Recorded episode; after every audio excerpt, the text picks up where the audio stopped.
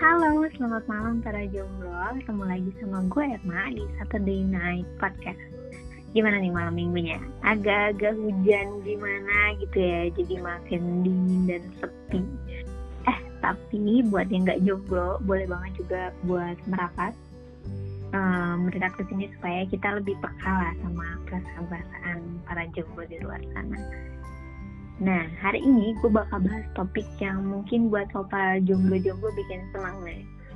Jadi malam ini kita mau bahas tentang bucin alias budak cinta.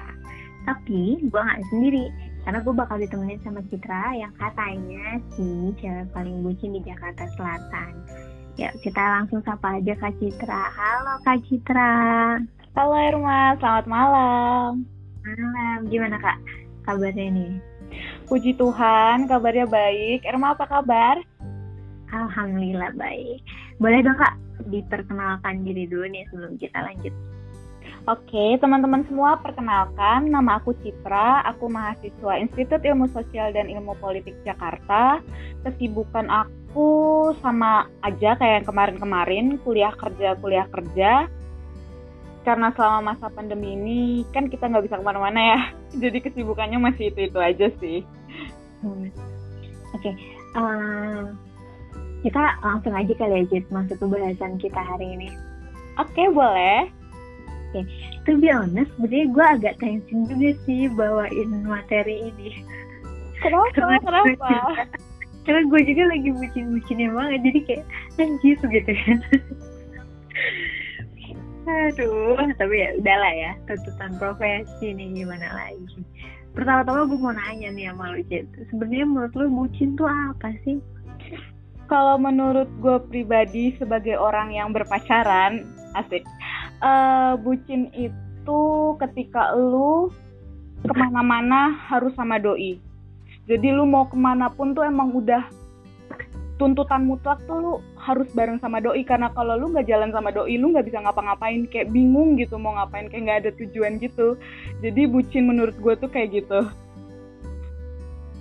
Tapi lu udah saat ini gue tanya lu udah berapa lama sama lo emang? Gue sama doi gue udah jalan lima tahun. Jadi tingkat kebucinan antara gue sama dia itu udah nggak usah ditanyain lagi. Pokoknya udah maksimal deh gue bisa bilang kayak gitu soalnya gue pikir ya gitu loh ya. Kalau orang udah lama pacaran tuh bucinnya makin hilang. Mungkin ya mungkin kan kalau orang kalau udah lama makin lama tuh kayak ada bosannya ada jenuhnya kayak ya udahlah gitu. Mungkin juga udah makin lama juga udah makin percaya kali ya gitu. Atau kayak gimana. Tapi enggak ya? Uh, kalau gue sama doi sih untungnya selama kita lima tahun ini kita kalau misalnya udah mulai ya ada tanda-tanda kayak bosen gitu atau jenuh gitu kita ngobrol sih.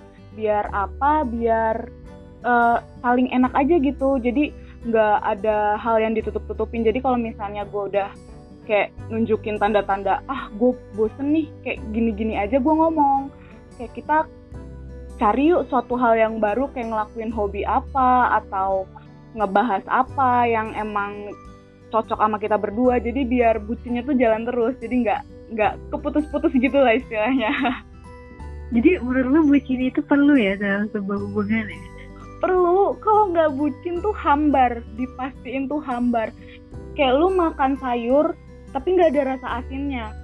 Kalau lu nggak bucin tuh berarti lu aneh. Lu pacaran apa ngedidik anak?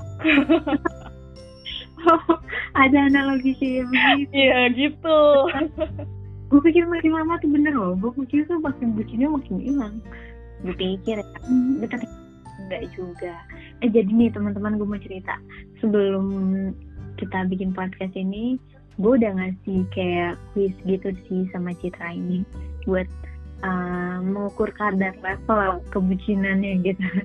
Terus boleh diceritain gak Citra itu hasilnya kayak gimana? Jadi guys tadi sore tuh ada yang tiba-tiba nge WA gue bilang tolong dong isi kuis ini. Ya udah dong gue klik tuh linknya. Eh ternyata tuh kuisnya soal tingkat kebucinan. Dan tahu nggak hasilnya apa? Hasilnya tuh bucin gue akut. Gue nggak tahu sih sebenarnya gue beneran seakut itu apa gimana tapi kalau gue lihat dari pengalaman pengalaman gue akhir-akhir ini emang bener. Gue makin lama tuh makin bucin.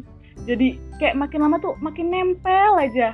Kayak perangko dikasih lem terus ditempel. Lengket ya iya kan gue harus mencari narasumber yang kredibel ya langsung. Kalau nggak bucin taunya gimana jadi narasumber? Ternyata kan tuh pas berarti jadi narasumber malam ini kan? Oh, iya benar.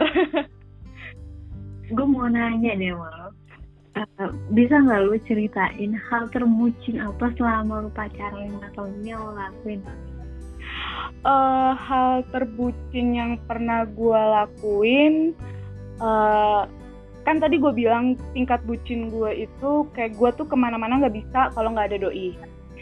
Jadi ceritanya nih doi gue nih beda beda provinsi tinggalnya sama gue dia dari Jawa Timur gue dari Jakarta. Jadi kalau misalnya tiap ada libur panjang doi kan harus pulang nih ke kampung halamannya nah gue itu pernah melakukan suatu hal yang bodoh karena biasanya gue itu kalau berangkat kerja atau pulang kerja tuh kan selalu bareng sama doi nih naik motor. Nah pas hari itu gue harus dengan rela berangkat kerja sendiri naik grab. Ya udah dong akhirnya gue jalan tuh naik grab. Pertengahan jalan tuh masih aman-aman aja nah tiba-tiba nggak tahu ada setan dari mana atau gue kepikiran apa bisa-bisanya gue meluk abang grabnya dong karena gue ngira dia itu cowok gue karena saking kebiasaannya gue kalau berangkat kerja harus bareng doi dan hal yang gue lakuin tuh selalu meluk. Dan itu tuh gue dengan refleks tangan gue gue majuin ke depan gue meluk abang grabnya. Shock dong abangnya kaget mbak kenapa? Mau jatuh? Gue langsung astaga bang maaf sorry sorry sorry. Gue nggak sengaja. Gue gue aduh pokoknya bener-bener waktu itu tuh posisinya tuh malu banget karena gue lagi bayangin lu ya sama sama lu. Pokoknya kan gue tuh kalau ditinggal pulang kampung pasti gue tuh langsung berubah jadi orang yang nggak bisa ngapa-ngapain sendiri beneran. Padahal dulu gue ke mana-mana bisa sendiri tapi pas udah sama si doi yang sekarang gue ke mana-mana harus sama dia Erma. Jadi bener-bener uh, parah banget deh. Pokoknya itu hal bucin hal teraneh terbodoh yang pernah gue lakuin karena gue tingkat bucinnya tuh udah parah banget sama cowok gue kayak gitu ceritanya. Tapi kalau misalnya itu kan lagi nggak sama dia ya. Tapi hal apa sih yang paling bucin yang lu rela-relain banget yang lu lakuin buat dia nih? Kalau yang gue lakuin buat dia hal bucinnya ah gue tahu. Uh, dari dulu gue kalau pacaran pasti paling takut namanya ketemu orang tua si cowok. Nah kalau sama cowok yang sekarang gue udah dua kali ketemu sama orang tuanya menurut gue itu hal bucin yang gue lakuin dengan ikhlas. Karena apa? Gue nggak pakai mikir panjang gue diajak eh kita ke kampung yuk uh, kita ketemu sama ibu di sana. Gue langsung ayo jalan yuk sekarang. Nggak pakai mikir panjang karena apa? Gue emang udah sebucin itu sama dia. Kayak gitu ceritanya. Jadi gue rela-relain ikut pulang kampung 14 jam naik kereta buat ketemu orang tuanya dia Nah, udah udah bisa ditandingi nih. Udah ya udah ketemu orang tua gitu sih ya kayaknya bakalan jadi sih kayaknya. Semoga dilancarin ya. ini emang bucin banget sih sampai sampai apa ya sampai lu udah um, pasti banget nih kayaknya gitu. Udah yakin banget nih. Lu yakin sama dia ditanya yakin atau enggaknya sih ya? Harus yakin dong. Pacaran udah lima tahun kalau nggak yakin itu ya kayaknya aneh aja gitu. Kan kalau memulai suatu hubungan kan pasti di awal udah harus tahu dong konsekuensinya apa. Lu yakin nggak nih sama nih orang? Tapi karena gue udah lima tahun makin lama makin ke sini sih gue makin yakin kalau gue jodohnya emang dia asik. Tapi kenapa sih uh, bilang ya sebelumnya lo tuh uh, ke mana-mana bisa sendiri ngapa-ngapain sendiri gitu. Tapi akhirnya sekarang tuh lo nggak bisa sendiri rohat pada dia. Uh, apa sih yang bikin lu tuh kayak gitu? Treat apa sih yang lu dapetin? Sampai lu tuh bisa ketergantungan itu loh sama dia? Uh, jadi awal masuk kerja itu kan emang gue ke kantor tuh kalau nggak naik kereta naik busway ya. Nah selama masa PDKT itu dia ngekosnya tuh di daerah Pondok Gede dan gue di Pasar Minggu. Dan teman-teman semua pasti tahu dong Pondok Gede tuh daerah yang hampir Bekasi yang macetnya kayak gimana. Dan dia tuh bener-bener relain dulu berangkat dari kosannya dia itu jam setengah enam pagi buat jalan jemput gua di pasar minggu di Jakarta Selatan pagi-pagi buta dia udah harus bangun ngelewatin macet dan jalanan yang panjang banget yang yang butuh waktu lama buat nyampe ke sini. Dan itu gue makin lama jadi kayak makin apa ya istilahnya ya berusaha buat mengapresiasi usahanya dia. Jadi dulu sih awalnya gue jujur aja nih belum pernah kan namanya dijemput cowok kayak gitu sampai di depan rumah awalnya sempet kaget wow gue dijemput nih sama cowok di depan rumah kayak gitu kan. Tapi makin lama gue udah terbiasa tuh karena emang dia bilang ke gue uh, kalau itu kewajibannya dia. Uh, nah terus karena mungkin gue emang tiap hari bener-bener uh, satu minggu ada lima hari kerja dan itu lima hari kerja gue selalu bareng sama dia makin lama tuh makin kayak jadi uh, kecanduan jadi keterbiasaan gue emang ke mana-mana tuh harus sama dia jadinya gitu. Kalau nggak ada dia gue bener-bener kayak ngapain sih gue keluar rumah? Udah tahu gue kalau keluar rumah nggak ada dia nggak bisa ngapa-ngapain. Jadi tuh kayak langsung ngerasa nggak enak aja gitu kalau ada di luar rumah nggak ada nggak ada doi. Kayak gitu sih Erma. Oke, okay. dari cerita-cerita yang gue uh, dengar dari orang lain ya, gitu. Kenapa orang tuh bisa bucin banget juga? Pertama emang karena dia ngelihat kayak pengorbanan. Gue bisa bilang yang tadi lo ceritain tuh pengorbanan si cowok kan? Ya betul. Iya, jadi uh, pengorbanan si cowok itu yang uh, bikin lo tuh kayak kayak uh, oh pengen ngebales gitu kan jadi akhirnya kelihatannya kayak bucin apa gimana gitu kan Ya benar-benar. Jadi ya karena gue pengen ngapresiasiin dia ya mau nggak mau emang rasa sayang gue ke dia harus bertambah. Karena emang dia udah ngorbanin waktunya dia di jalan buat gue kan jadi ya mau nggak mau gue emang harus kayak gitu. Tapi ada juga nih yang cerita sama gue mereka tuh bisa kayak jadi bucin banget gitu karena emang uh, dia tuh diposesifin gitu sama si pasangannya lah kayak gitu kalau lu tuh uh, cowok lu tuh posesif gak sih sama lo apa jangan-jangan lu yang posesif sama cowok lu? Yang kalau soal posesif cowok gue sih untungnya dia nggak separah itu sih. Uh, kalau misalnya gue pergi main uh, jalan gitu dia ngebolehin karena emang dia tahu gue sebelum kenal dia kan pasti sama teman-teman gue nih dan itu pasti paling ya dia nanya tuh cuma kabar jalan sama siapa atau ke mana nanti pulang jam berapa mau dijemput apa enggak kalau menurut gue sih itu bukan suatu hal yang bisa dibilang posesif ya tapi kalau buat gue namanya cewek kan ya kita nih cewek pada umumnya tuh pasti rasa curiganya negatif thinkingnya tuh kan tinggi banget jadi kalau gua ke dia mungkin bisa dibilang sedikit posesif. Karena apa? Gua kalau misalnya dia pergi main nih dan perginya tuh misalnya sampai pagi gitu kayak misalnya jam satu pagi atau jam 2 pagi itu dijamin gue pasti bakalan marah-marah satu kali 24 jam gak bakalan berhenti. Karena apa? Gue ngerasa nggak suka aja gitu dia pergi main sampai sepagi itu.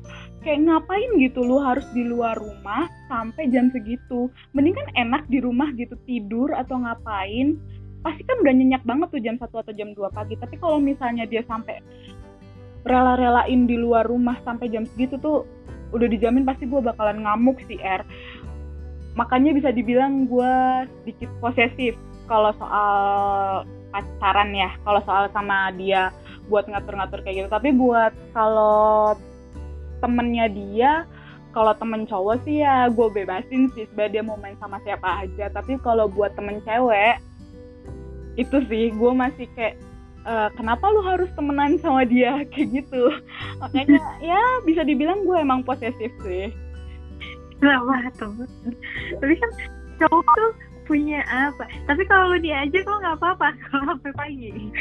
Kalau gue dia tahu gue misalnya main sampai pagi dia kayak biasa aja gitu. Kayak oh ya udah. Nanti pulang jam berapa kenapa harus jam satu pagi? Ya udah kalau misalnya jam satu pagi gitu mau dijemput apa enggak? Kayak gitu dia ngerasanya bener-bener cuma kayak berusaha buat nggak tahu sih dia berusaha buat menenangkan diri biar nggak marah atau gimana tapi emang dia tuh selembut itu. Dia itu hmm. jarang barang dia kode kalau kali. Itu dia nggak dimarahin. Nah terus tapi kalau gua itu bakalan beda banget 360 derajat. Dia bilang, aku baru bisa pulang jam 1 pagi. Itu aku langsung bales chatnya panjang banget. Kalau misalnya dibukuin bisa jadi berbab-bab. Kayak gitu. Paling marah sama lo gitu.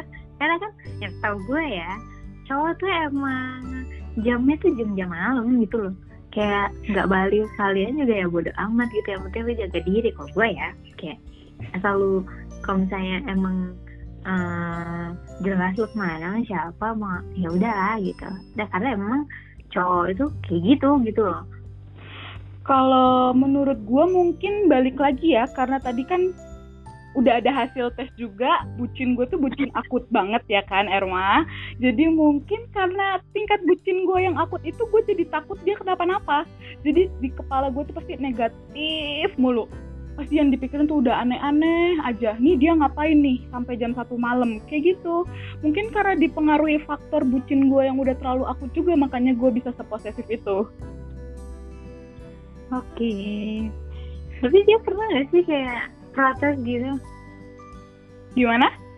Pernah protes gak sih? Kayak gitu? Karena kan itu kalau buat gue kalau gue ya dunia cowok tuh kayak gitu mau balik jam satu jam dua jam tiga gitu. Dan uh, kalau dia juga kalau kayak gitu ya dia harus harus apa ya harus ngikutin gitu loh. Kalau misalnya teman-teman di sekitarnya juga beda lagi kalau udah nikah ya. Ini kita bicara kan lagi pacaran nih.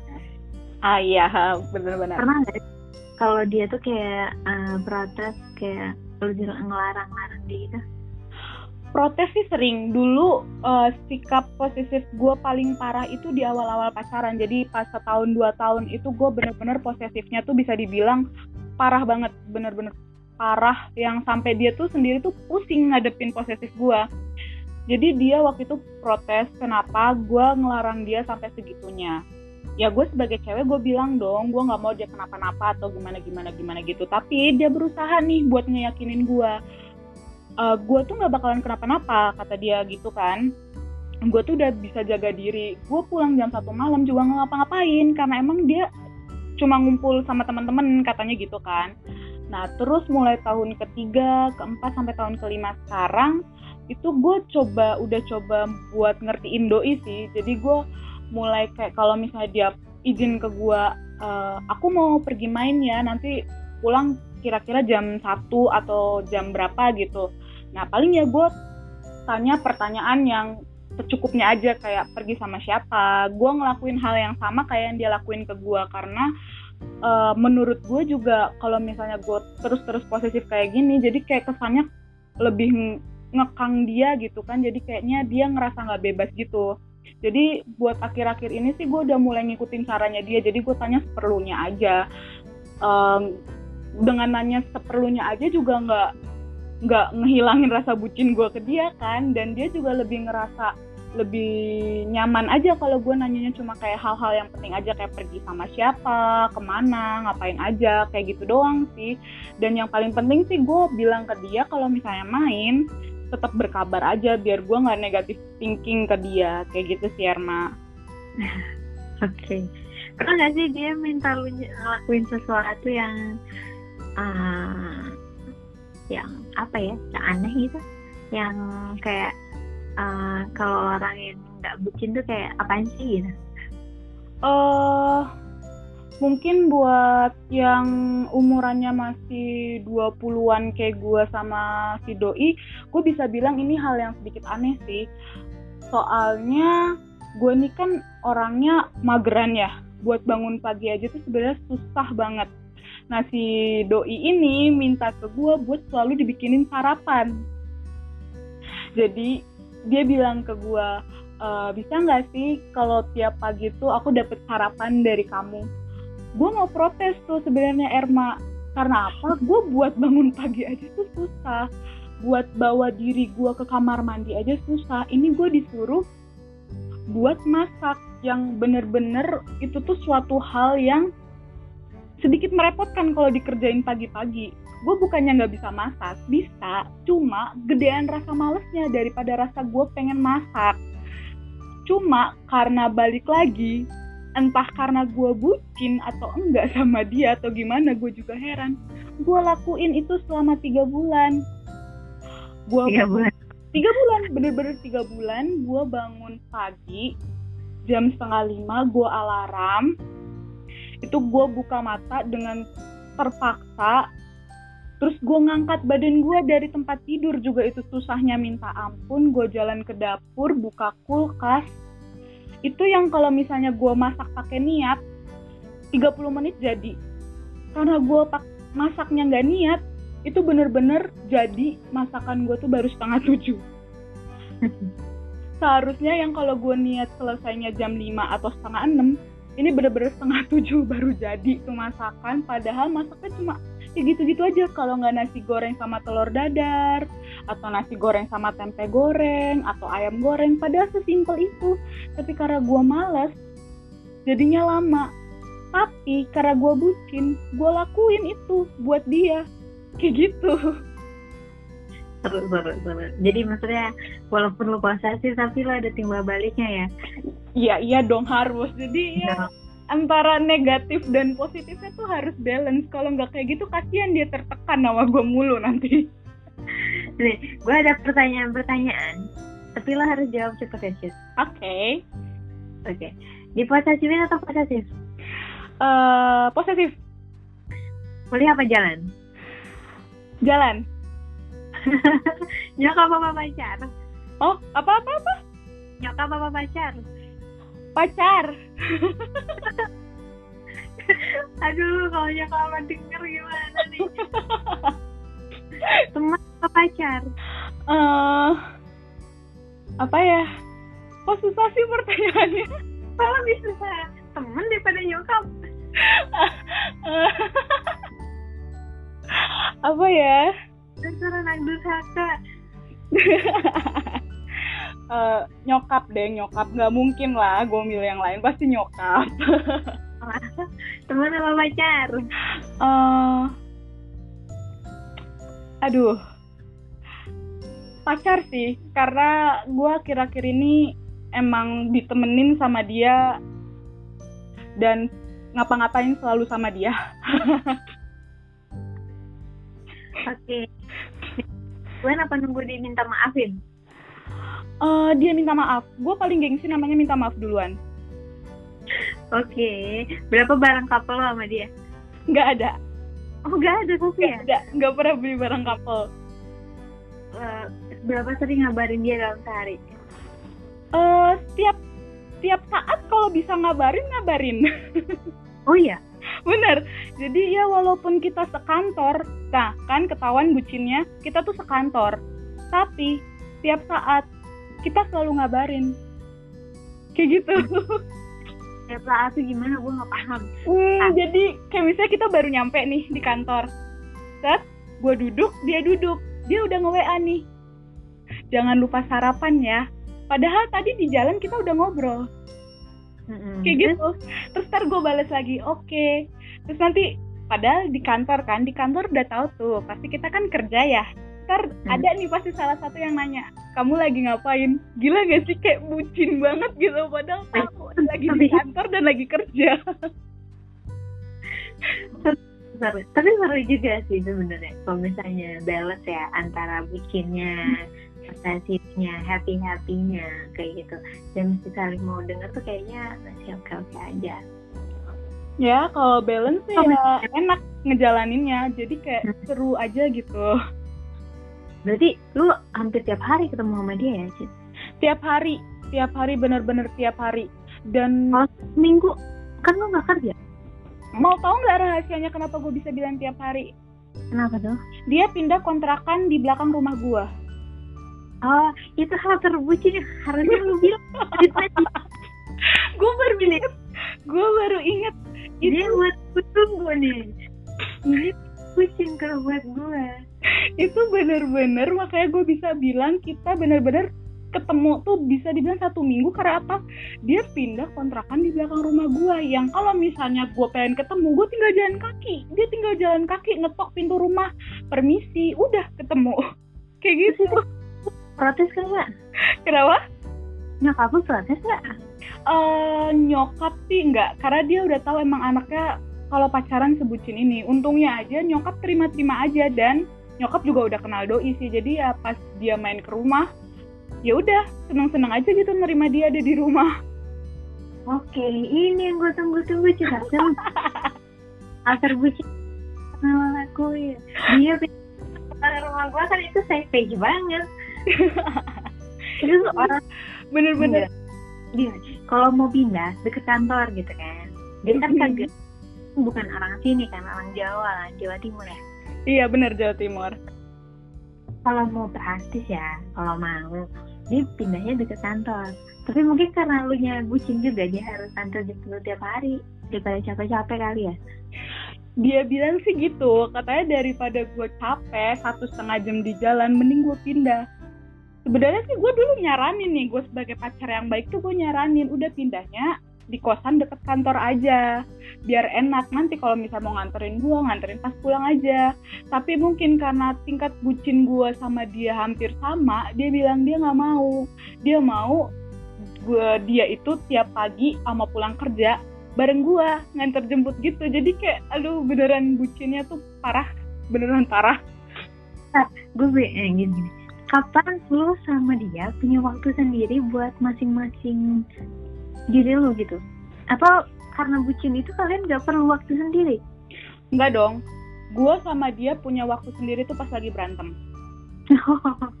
Berapa sering? Jadi kita itu kalau berantem bener-bener diem-dieman. Gue gue kuat ngediemin dia selama satu minggu dan dia juga ngelakuin hal yang sama. Bakal ngediemin gue selama satu minggu. Itu tapi bener... antar jemput nggak tuh kalau lagi berantem? Kenapa antar jemput nggak tapi kalau lagi berantem? Kalau lagi berantem tetap antar jemput. Tapi di jalan diem dieman kayak oh, tembok gitu. Jadi bener-bener nggak ngobrol sama sekali. Dan itu pas waktu lagi ya anggap aja ngerayain ngerayain waktu sendiri lah ya itu bener-bener kita manfaatin buat ngelakuin hal yang jarang kita lakuin kayak dia main game sepuasnya tanpa ada yang larang tanpa ada yang ganggu kan. Kayak gue misalnya nonton drakor yang tertunda. Jadi ya kadang marahnya berantemnya kita tuh ada ada efek bagusnya juga. Jadi kita bisa nyenengin diri kita sendiri dulu lagi gitu sih Erma.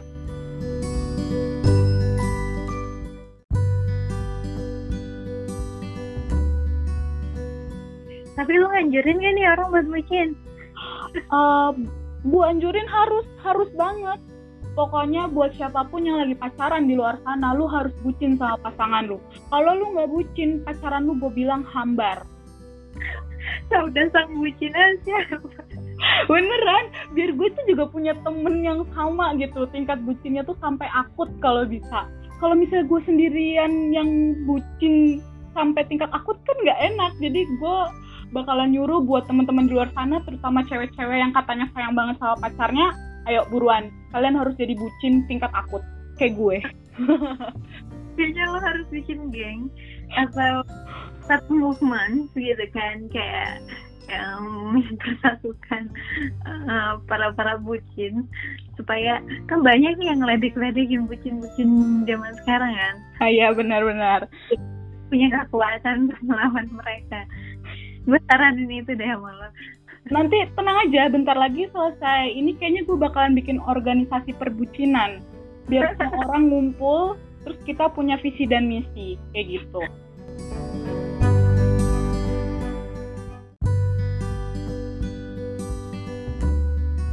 Uh, thank you, Pak thank you banget udah di podcast ini.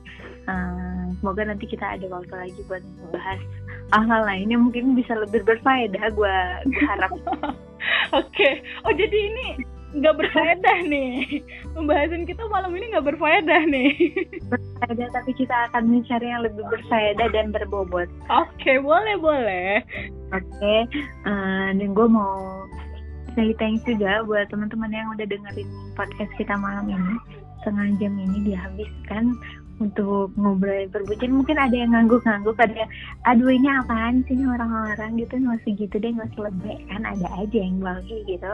Tapi ya ya ya kita punya cara-cara sendiri-sendiri lah buat jalanin hubungan yang penting semuanya nyaman dan baik ya nggak benar banget. Jadi ya hmm. buat teman-teman di sana yang kalau misalnya emang ngerasa tadi cerita gue aneh jangan diikutin please. Karena emang itu aneh tapi buat yang sefrekuensi sama gue welcome Oke, okay. uh, eh, thank you so much buat Citra, buat teman-teman semuanya. Kita bakal ketemu lagi di podcast episode selanjutnya yang um, nanti gue bakal kasih tahu lagi lah clue-cluenya sebelum sebelum sebelum mengudara di IG kayak biasa. Dan thank you so much, dadah, selamat malam. Bye bye semuanya, selamat malam.